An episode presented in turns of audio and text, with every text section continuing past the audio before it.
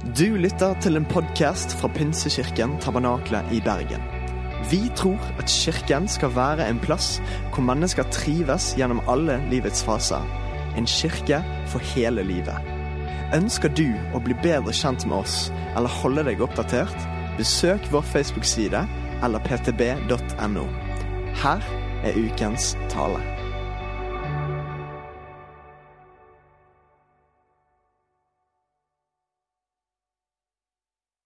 Og eh, jeg har merket at I løpet av disse siste tre årene så har bare hjertet mitt begynt å dunke hardere og hardere for denne kirken. Og det er jeg veldig glad for at jeg får lov til å dele litt med dere om i dag. Og så dunker det ganske hardt for Bergen òg. Jeg vet ikke om noens hjerte ikke kan dunke for Bergen når det er vær sånn som dette. Fordi Jeg tror ikke noen kan si noe dumt. Jeg møtte en, eh, en jeg ikke kjenner i det hele tatt på onsdag. Han bare kom bort til meg og så sa han, Bergenser, sol, da er vi glad.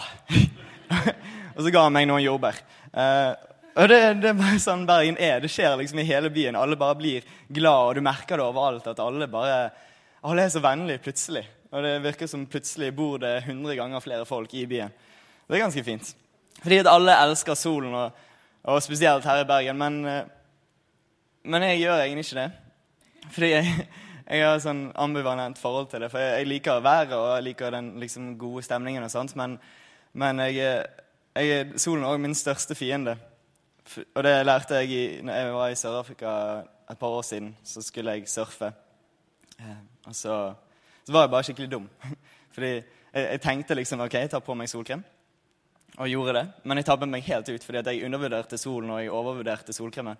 Så, så solkremen var visst ikke vanntett.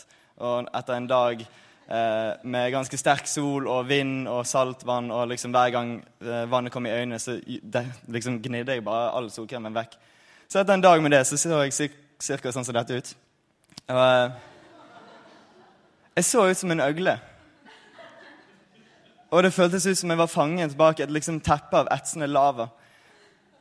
Og De neste dagene så måtte jeg bare gjemme meg i Sør-Afrika i det fantastiske været. Så måtte jeg ha sånn stor hettegenser på meg og bare passe på at ingen solstråle traff min hud og brant meg mer. Så jeg, jeg, måtte bare gå rundt i den frykten.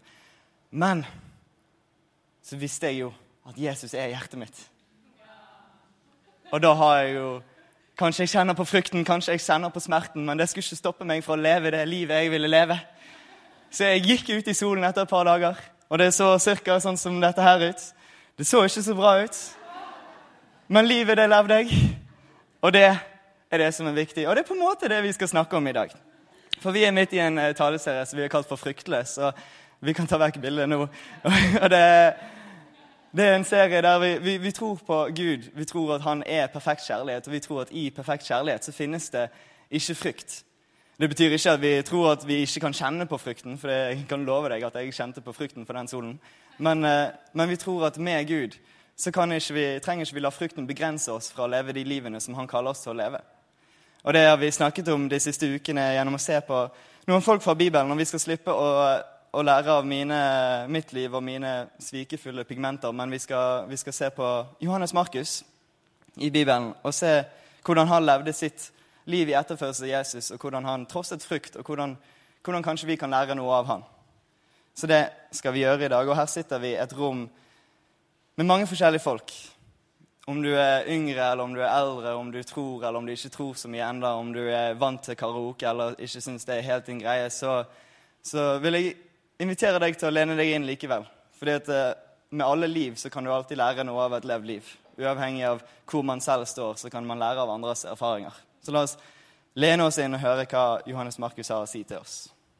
Men først så bare ber jeg. Kjære gode Gud, takk for at du igjen og igjen og igjen sier til oss, vær ikke redd. Ikke ha frykt fordi at du er med oss. Takk for at vi kan stole på deg, Jesus, at du er ved vår side. Takk for at vi kan vite det på vår søndag, vi kan vite det i vår hverdag. Og vi kan se det i de livene som, som vi leser om i Bibelen. Vi kan se hvordan de levde liv tett på deg, og vi kan lære av de. Og Jeg ber om at du må bare åpne våre hjerter til å ta imot det du vil si til oss gjennom Johannes Markus' liv i dag. Amen. Ok, så Johannes Markus. Eh, alle har kanskje hørt navnet. Han har to navn. det er jødisk og gresk. Noen kaller han Johannes, noen kaller han Markus, noen kaller han Johannes Markus. Men annet enn det så vet vi egentlig ikke så mye om han, fordi han er ingen hovedrolle. Han er aldri liksom stjernen i en fortelling. Han er bare en birolle. Men han har nok biroller rundt omkring til at vi klarer å liksom sammenfatte det til å se ok, kanskje livet hans så sånn som dette ut. Og Det første vi hører om han, og det er ikke helt sikkert det er han, faktisk, for han nevnes ikke med navn, men eh, de fleste studier tyder på at det er han. Det første vi leser om han, det, det er dette her. En ung mann var i følge med Jesus. Han hadde bare et linklede om seg. De grep ham, men han slapp linkledet og flyktet naken bort. Ikke den mest heldige starten på Johannes Markus' sin fortelling. Dette var i Getsemane, når, eh, når de tok Jesus til fange. Så det første vi får høre, er at jo, Johannes Markus han løp naken vekk fra det stedet. Så det er ikke den beste starten, i hvert fall syns jeg. Men det neste vi får høre etter en stund, er at eh, han er Marias sønn. Ikke jomfru Maria, men en av de andre tusen Mariaene. Og han er fetteren til Barnabas, en av de andre viktige personene i starten av den første kirke. Og så kan det virke som om han har en eller annen relasjon, en familierelasjon eller et eller annet sånt til Peter. fordi vi merker at, eh, at, han er i nærheten av Peter. Når Peter blir løslatt fra fengselet, som er en annen historie, så, så drar han hjem til huset til Markus og moren Maria. Så vi, vi, har liksom litt sånn relasjoner rundt omkring. Og det vi kan se ut ifra dette vi ser Han er, han er liksom midt i actionet. da. Han er ganske sånn typisk ung og frimodig type. Kanskje litt for frimodig og litt dumdristig. Det skal vi snakke mer om. Men vi ser han midt i Getsemane, midt i det store dramaet der. Vi ser han i Jerusalem, midt i sentrum av alle liksom, de viktige folkene. Så det kan virke som han er liksom lysten på å bli med på ting. og Lysten på å bli med på dette oppdraget av å gjøre Jesus kjent. Og det får vi bekreftet når, når Barnabas blir sendt ut på en misjonstur sammen med Paralus, som er en annen av de viktigste folkene. Han er bare omgitt av viktige folk, og så er det ingen som bryr seg om Johannes Markus. Det er veldig kjipt for han egentlig. Men når Barnabas og Paulus blir sendt ut på en misjonstur, så trenger de en hjelper. Og da hiver Markus seg med. For han tenker selvfølgelig kan jeg gjøre det. Jeg vil være med og tjene. Jeg vil være med og jeg, jeg bare ser for meg liksom sånn der, den, den litt unge tiåringen som henger på sin eh, fem år eldre bror. Der er min bror. Han vet hva jeg mener med det. Men han lot meg være med av og til. Det var hyggelig. Vi leser ikke så mye mer om Markus, for han er jo ikke en hovedperson. Men vi kan lese i Apostlenes gjerninger 13 om, om hvordan det gikk med misjonsturen. Og Det virker som alt går greit på det første stoppet. Så, men idet de skal reise videre fra det første stedet de er, til det neste, så, så leser vi plutselig dette. Paulus og følget hans seilte fra Pafos og kom til Perge i Pamfylia. Der forlot Johannes de og reiste tilbake til Jerusalem. Plutselig så bare drar Johannes Markus hjem igjen. Og Vi vet ikke hvorfor, vi får ikke høre noe om det. Det eneste vi får vite, er at han, han dro hjem.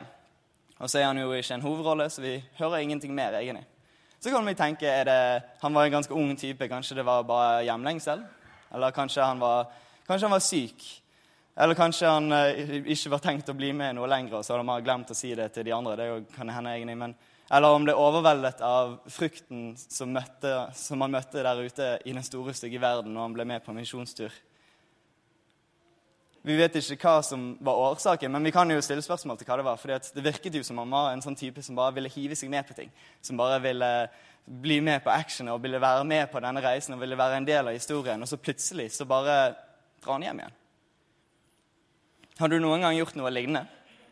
Noen gang bestemt deg sånn 110 dette er jeg med på? Du har, du har uh, forpliktet deg til noe. Du har latt andre stole på deg, og så bare dropper du og drar hjem igjen.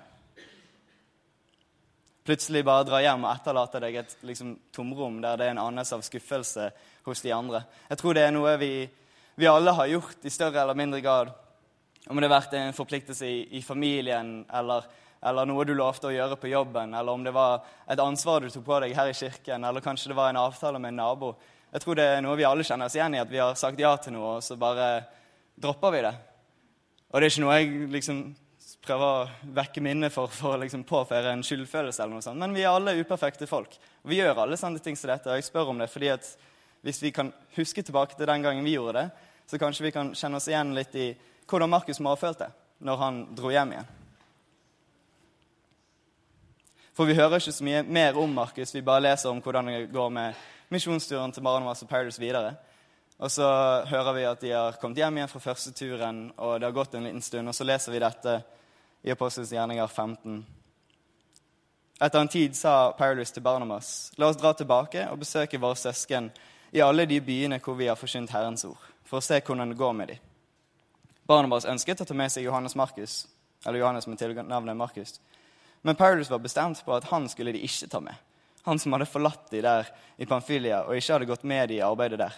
Det ble en så bitter strid mellom de at de skilte lag. Barnabas tok med seg Markus og seilte til Kypros, mens Paulus valgte å ta med Silas. Det er først her vi, vi skjønner hvor dårlig stemning det var at Markus dro hjem. For vi hører jo bare at han drar, og så hører vi ingenting mer. Men her, etter lang tid etterpå, så hører vi at Paulus er fortsatt bitter over dette. Han, han vil ikke stole på Markus på en ny reise. Som er litt ironisk, fordi at Paulus hadde jo den største omvendelsen av alle. Men uh, han viser ikke nåde til Markus. Se for deg hvordan Markus må ha følt det da. Om han i utgangspunktet var redd for, for det naturlige, om han var i utgangspunktet redd for sykdommene som var rundt omkring, eller kanskje han var i utgangspunktet redd for den store, stygge verden og alle de andre folkene som tenkte annerledes enn han. Og så når han da i tillegg blir bare stemplet av Paulus som, som svikeren, på en måte Paulus som var den største helten på den tiden, og han som hadde mest å si for kirkeveksten. Og så bare sier han nei, han skal ikke være med. Han, ikke, han er ikke troverdig. Han kan ikke vi stole på. Hvordan må ikke Paulus, nei, Markus bare ha kjent på den den skammen da. For det er noe med skammen av tidligere tabber og tidligere feiltrinn som har så lett for å bremse oss fra å skulle ta stegene videre. Det har en tendens til å, å fòre en frykt i oss. Om det var fordi at vi var overivrige og bare skjønte at jeg er ikke klar for dette, og at vi måtte steppe ned, eller om vi ble syke og måtte dra hjem, og vi bare er redd for å bli syke igjen, eller vi er redd for å aldri kunne klare å gjøre like mye som det vi en gang gjorde. Eller om vi bare er redd for å ikke strekke til, eller vi er redd for å svikte noen en gang til.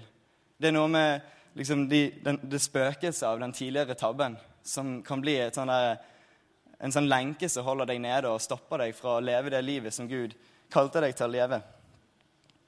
Det fins utallige årsaker til hva som kan gjøre at vi først avbryter. Og så tror jeg det er denne skammen som gjør at vi ikke bare hiver oss ut på nytt. Fordi at vi er så avhengige av å se et eller annet som, som er oppmuntrende. Og når vi ikke har det, så hvordan skal vi tørre å gå ut i det igjen? Man bare graver seg ned i et sånn hull av dårlig selvbilde. For det er så lett å kjenne skammen fra fortiden og så er det så lett å la den skammen fòre en frykt. Frykten for å ikke strekke til, frykten for å svikte noen, frykten for å si feil ting eller gjøre feil ting, eller frykten for å være til hinder for det du egentlig har lyst til å være med og se gå fremover. Det kan være en lammende frykt som, som bare gjør det umulig å se for seg en gang å leve det livet du egentlig har lyst til å leve, å leve i det kallet du egentlig er kalt til. Det å, det å, bare fortelle en nabo om hvem Jesus er, kan være så skummelt fordi at du husker den ene gangen når det var så kleint, eller når det bare gikk helt, helt krise. Og det er jo helt naturlig. Jeg kjenner på det hver eneste gang jeg skal tale, så tenker jeg bare hvorfor i alle dager skulle jeg gjøre det? Med det livet jeg lever, eller det livet jeg levde, hvorfor skal jeg være den som står der oppe snakker om liksom hvordan man, man kan leve? Hvorfor skal jeg være med og lede noen, jeg som sa helt feile ting til helt feil tid? Og jeg sa de tingene som gjorde at han bare gikk vekk. Og jeg sa de tingene som var det verste jeg kunne si til den personen der og da. Hvordan skal jeg kunne være med og lede noen da? Hvorfor skal jeg tørre å forplikte meg til et nytt forhold? For jeg så jo hvor dårlig det gikk sist. Hvorfor skal jeg tørre å prøve en ny jobb? Fordi at det, det går jo bare dårlig. Jeg, jeg kan være tryggere her og bare holde meg litt tilbake. Hvordan skal jeg noen gang tørre å lovsynge Gud igjen? Fordi at når jeg på en ungdomsfestival sang, og de to foran meg snudde seg bak fordi at de hørte min forferdelige stemme Jeg bare snudde meg videre og tenkte at ja, det er noen der bak. Jeg tror det er noe vi alle kan kjenne oss igjen i. da. En sånn frykt fra noe tidligere som stopper oss fra å gjøre noe i fremtiden. Jeg tror ikke det er sånn at alle sammen her ikke klarer å leve i det hele tatt fordi at vi er helt begrenset. Men vi har noen sånne rom, alle sammen, der vi der vi bare sliter litt med å gå videre. Og nettopp det at vi kan kjenne oss igjen i den følelsen, gjør at vi kan kjenne oss igjen i Markus. For han kjente jo på dette. Det var en natur som var helt krise på den tiden. Det Var, vi hadde ikke medisinen vi hadde nå. Det var sykdommer overalt som kunne drepe deg på alle hjørner. Det var folk av helt forskjellige typer som man møtte på. Og det var god grunn for å være litt redd når du er vokst opp i en trygg og lovisk eh, jødisk ja, hvis, Trygg Jeg vet ikke om det er trygt. Men kanskje. Grunn for å være usikker da, i det ukjente. Og når man da i tillegg ser alle de som, som, har det samme ønsket, den samme drømmen om å elske Gud og elske sin neste, når de alle får vite at, fra helten sin Paradise at han her han er ikke til å stole på, hvem skal du se til da? Det er ingen, jeg ser ingen grunn til at Markus skulle naturlig være like frimodig som det han en gang var. Men så leser vi videre at han han er jo med. Vi leser at Barnabas tar han med på en ny tur. Barnabas er også kalt oppmuntringens sønn. Men så var jo Barnabas en fetter, så det kan jo ha vært påtvunget familiemedlidenhet òg. Det vet vi egentlig ikke. Men, men, Markus ble med. Han ble med på en ny tur, og han var til stor hjelp for Barnabas på den turen. Og så leser vi til og med seinere at plutselig så hører vi Mar om Markus fra Peter. Og studiene viser at mest sannsynlig så slo Markus følge med Peter, og vi ser at uh, Markus kanskje hjalp Peter å skrive de brevene som vi leser i slutten av Nytestamentet. Så han er plutselig han har vært med Barnabas, og han har vært til stor hjelp for Peter. Og så til og med 10-15 år etter det store dramaet så leser vi noen av brevene til Paulus, til Filimon og det andre brevet til Timoteus. Så ser vi plutselig Paulus nevne Markus der. Nevner han som som en venn og som en viktig medarbeider, en som han ikke klarer seg uten. Han spør etter å, å få Markus sendt opp til ham, for han trenger han. Så på 10-15 år så har Markus gått fra å være den Paulus aldri skal stole på, til å være den Paulus trenger, og den eneste han kanskje kan ha hjelp for akkurat der og da. Så vi ser at noe har skjedd i reisen av Markus sitt liv. Og ikke nok med det, så har jo faktisk Markus skrevet Markusevangeliet. Ja, Det er en sånn plot-twist. Ingen skjønte, ingen så det komme. Men han skrev Markusevangeliet. For en reise må ikke det vært da, fra å være den som ingen i, kristen, ingen i kirken kunne stole på, til å plutselig være han som skriver evangeliet som, som vi leser den dag i dag. Markus hadde en uperfekt fortid, full av feil, full av tabber, som man skulle tro at begrenset han fra å leve i nåtiden sin. Men det var noe som drev han. Og jeg tror det er det man trenger noe som får deg til å, til å trosse den frukten, trosse den skammen. Og jeg tror at det som, det som gjør at Markus tør å legge det bak seg, og tør å bare ignorere alle feilene han har gjort, jeg tror det er det at han har sett Jesus. Fordi om han ikke husker det fra sin egen ungdom, så fikk han høre om det fra både Peter og Barnabas og Saulus og Paulus. Og han fikk se hvordan Jesus hadde forvandlet deres liv. Han fikk høre igjen og igjen og igjen om hvor fantastisk Jesus var. Han hadde sett Jesus midt i alt det uperfekte, midt i den uperfekte verden med de uperfekte folkene. Så hadde han sett et perfekt liv vist for oss i Jesus. Han hadde sett midt i en skummel verden, så hadde han sett en smak av himmelen som viser oss hvem, hva himmelen er, som viser oss hva, hvem Gud er. Han hadde sett mannen som skulle være veien til Gud. Og jeg tror det er noe som er nok for at man tør å trosse noen grenser. Fordi at man har sett det perfekte som kan være i fremtiden. Jeg tror drivkraften til Markus var det at han hadde sett et bilde av en fremtid. Der alle inkluderes, der det vises nåde til alle, der det rekkes ut en hånd, og, og det sies 'Kom igjen, prøv en gang til. Bare reis deg opp. Jeg, jeg ser deg, og jeg oppmuntrer deg. Jeg støtter deg.'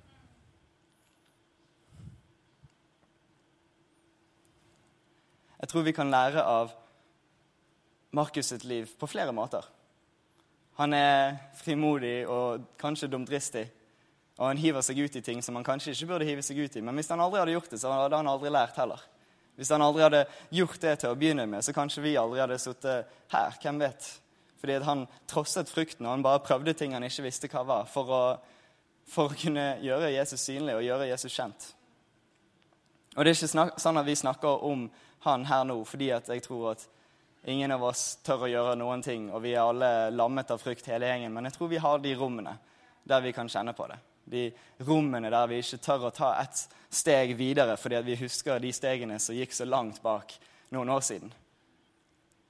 De rommene der vi ikke tør å hive oss ut i en ny ting fordi vi, ikke, vi vet ikke hva det kommer til å være der. Og vi er redd for å svikte noen. Vi er redd for å ikke være gode nok. Og dette er kanskje litt ubehagelig. Men jeg har lyst til å, å, spørre deg tenk, tenk, på ditt liv nå. Hvor er de, de rommene der? Så gir vi litt stilletid uten at det er kleint for det. Hvor er det rommet der du, der du en gang tabbet deg, og det stoppet deg fra å gå videre? Hvor er det rommet der du kjenner skammen fra fortiden, fòre frukten i nåtiden? Det rommet der du kjenner at 'jeg skulle bare ønske jeg kunne gjort dette', hvis du klarer å kjenne igjen den setningen der, så tror jeg det er en god pekepinn på at det er kanskje et rom der du holdes tilbake. Jeg skulle bare ønske jeg kunne drete i dette og gått videre.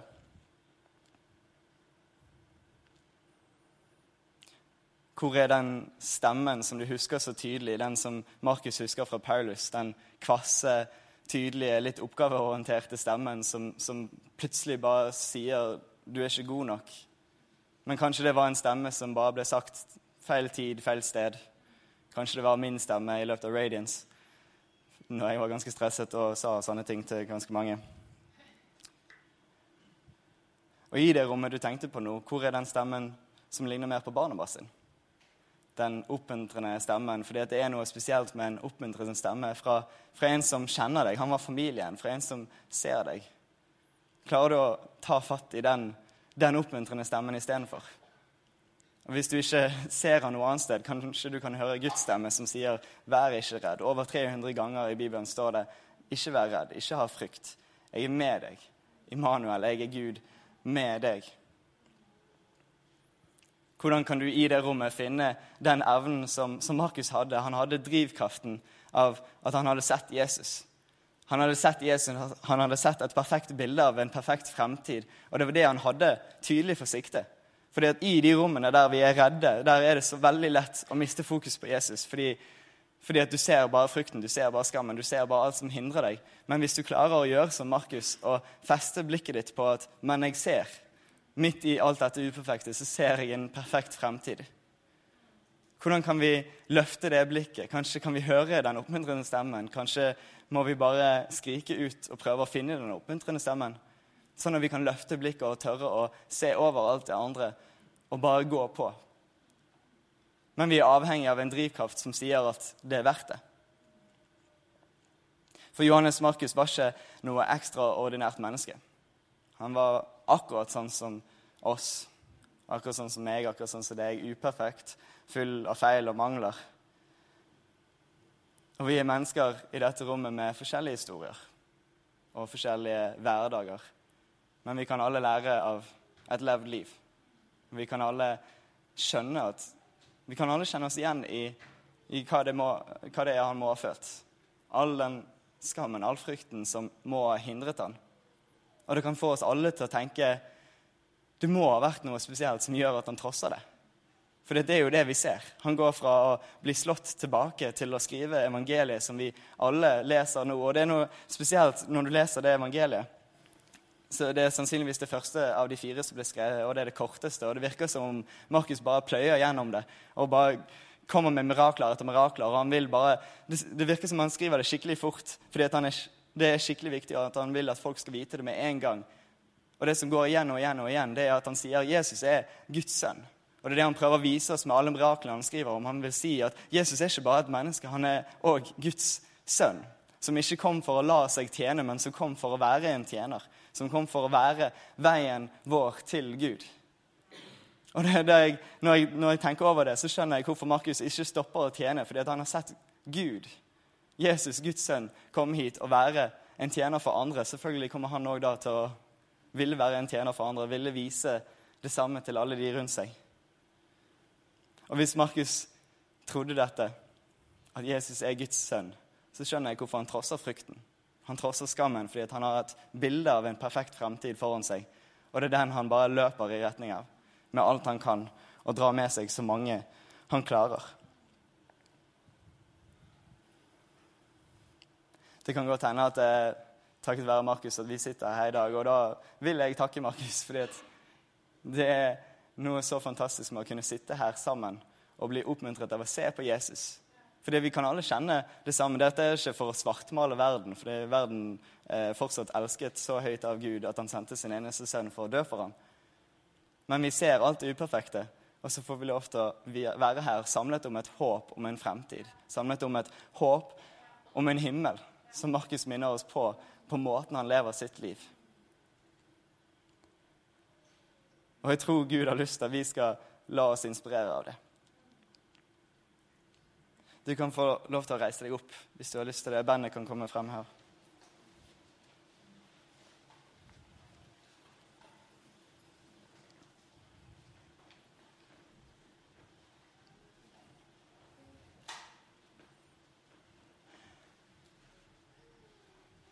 Jeg tror ikke Markus hadde korttidshukommelse. Jeg tror han husket veldig godt alle de tabbene han hadde gjort. De tingene han gjorde feil, de gangene han sa feil ting. Og jeg tror han kunne se det i folkene han sviktet òg. Men det var noe som drev han fremover. Han hadde sett Jesus, han hadde sett Jesus dø. Han hadde sett Jesus stå opp igjen, og han hadde sett at her er Jesus, Guds sønn, min og alles vei til himmelen, min og alles vei til frihet, min og alles vei til kjærlighet. Og så hadde han bare tenkt at dette her vil jeg være med på, og dette her vil jeg at så mange som mulig skal være med på. fordi at det, det vi ser gjennom Markus' sitt liv, er så nydelig. fordi at der vi ser han tabbe seg ut, så ser vi Gud bare bruke han like mye likevel. fordi det har ingenting å si hva vi gjorde før. Men Gud står der med en hånd som bare sier 'reis deg opp'.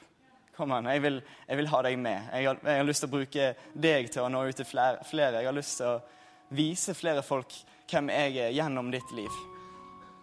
Og så vi, står vi her, til og med nå, faktisk, i dette rommet, mange forskjellige mennesker. Noen som tror, og noen som ikke tror så mye ennå. Og vi har alle noe å lære, for vi kan alle lære av frimodigheten. Vi kan alle lære av pågangsmotet. Og vi kan alle være enige at for å ha det pågangsmotet, så må vi ha noe å feste blikket på. Og Hvis du er her som, som ikke tror i dag, som aldri har sagt til deg selv jeg, jeg tror på denne Jesus, så har jeg lyst til å utfordre deg. Se hvordan Jesus preger Markus sitt liv. Se hvordan Markus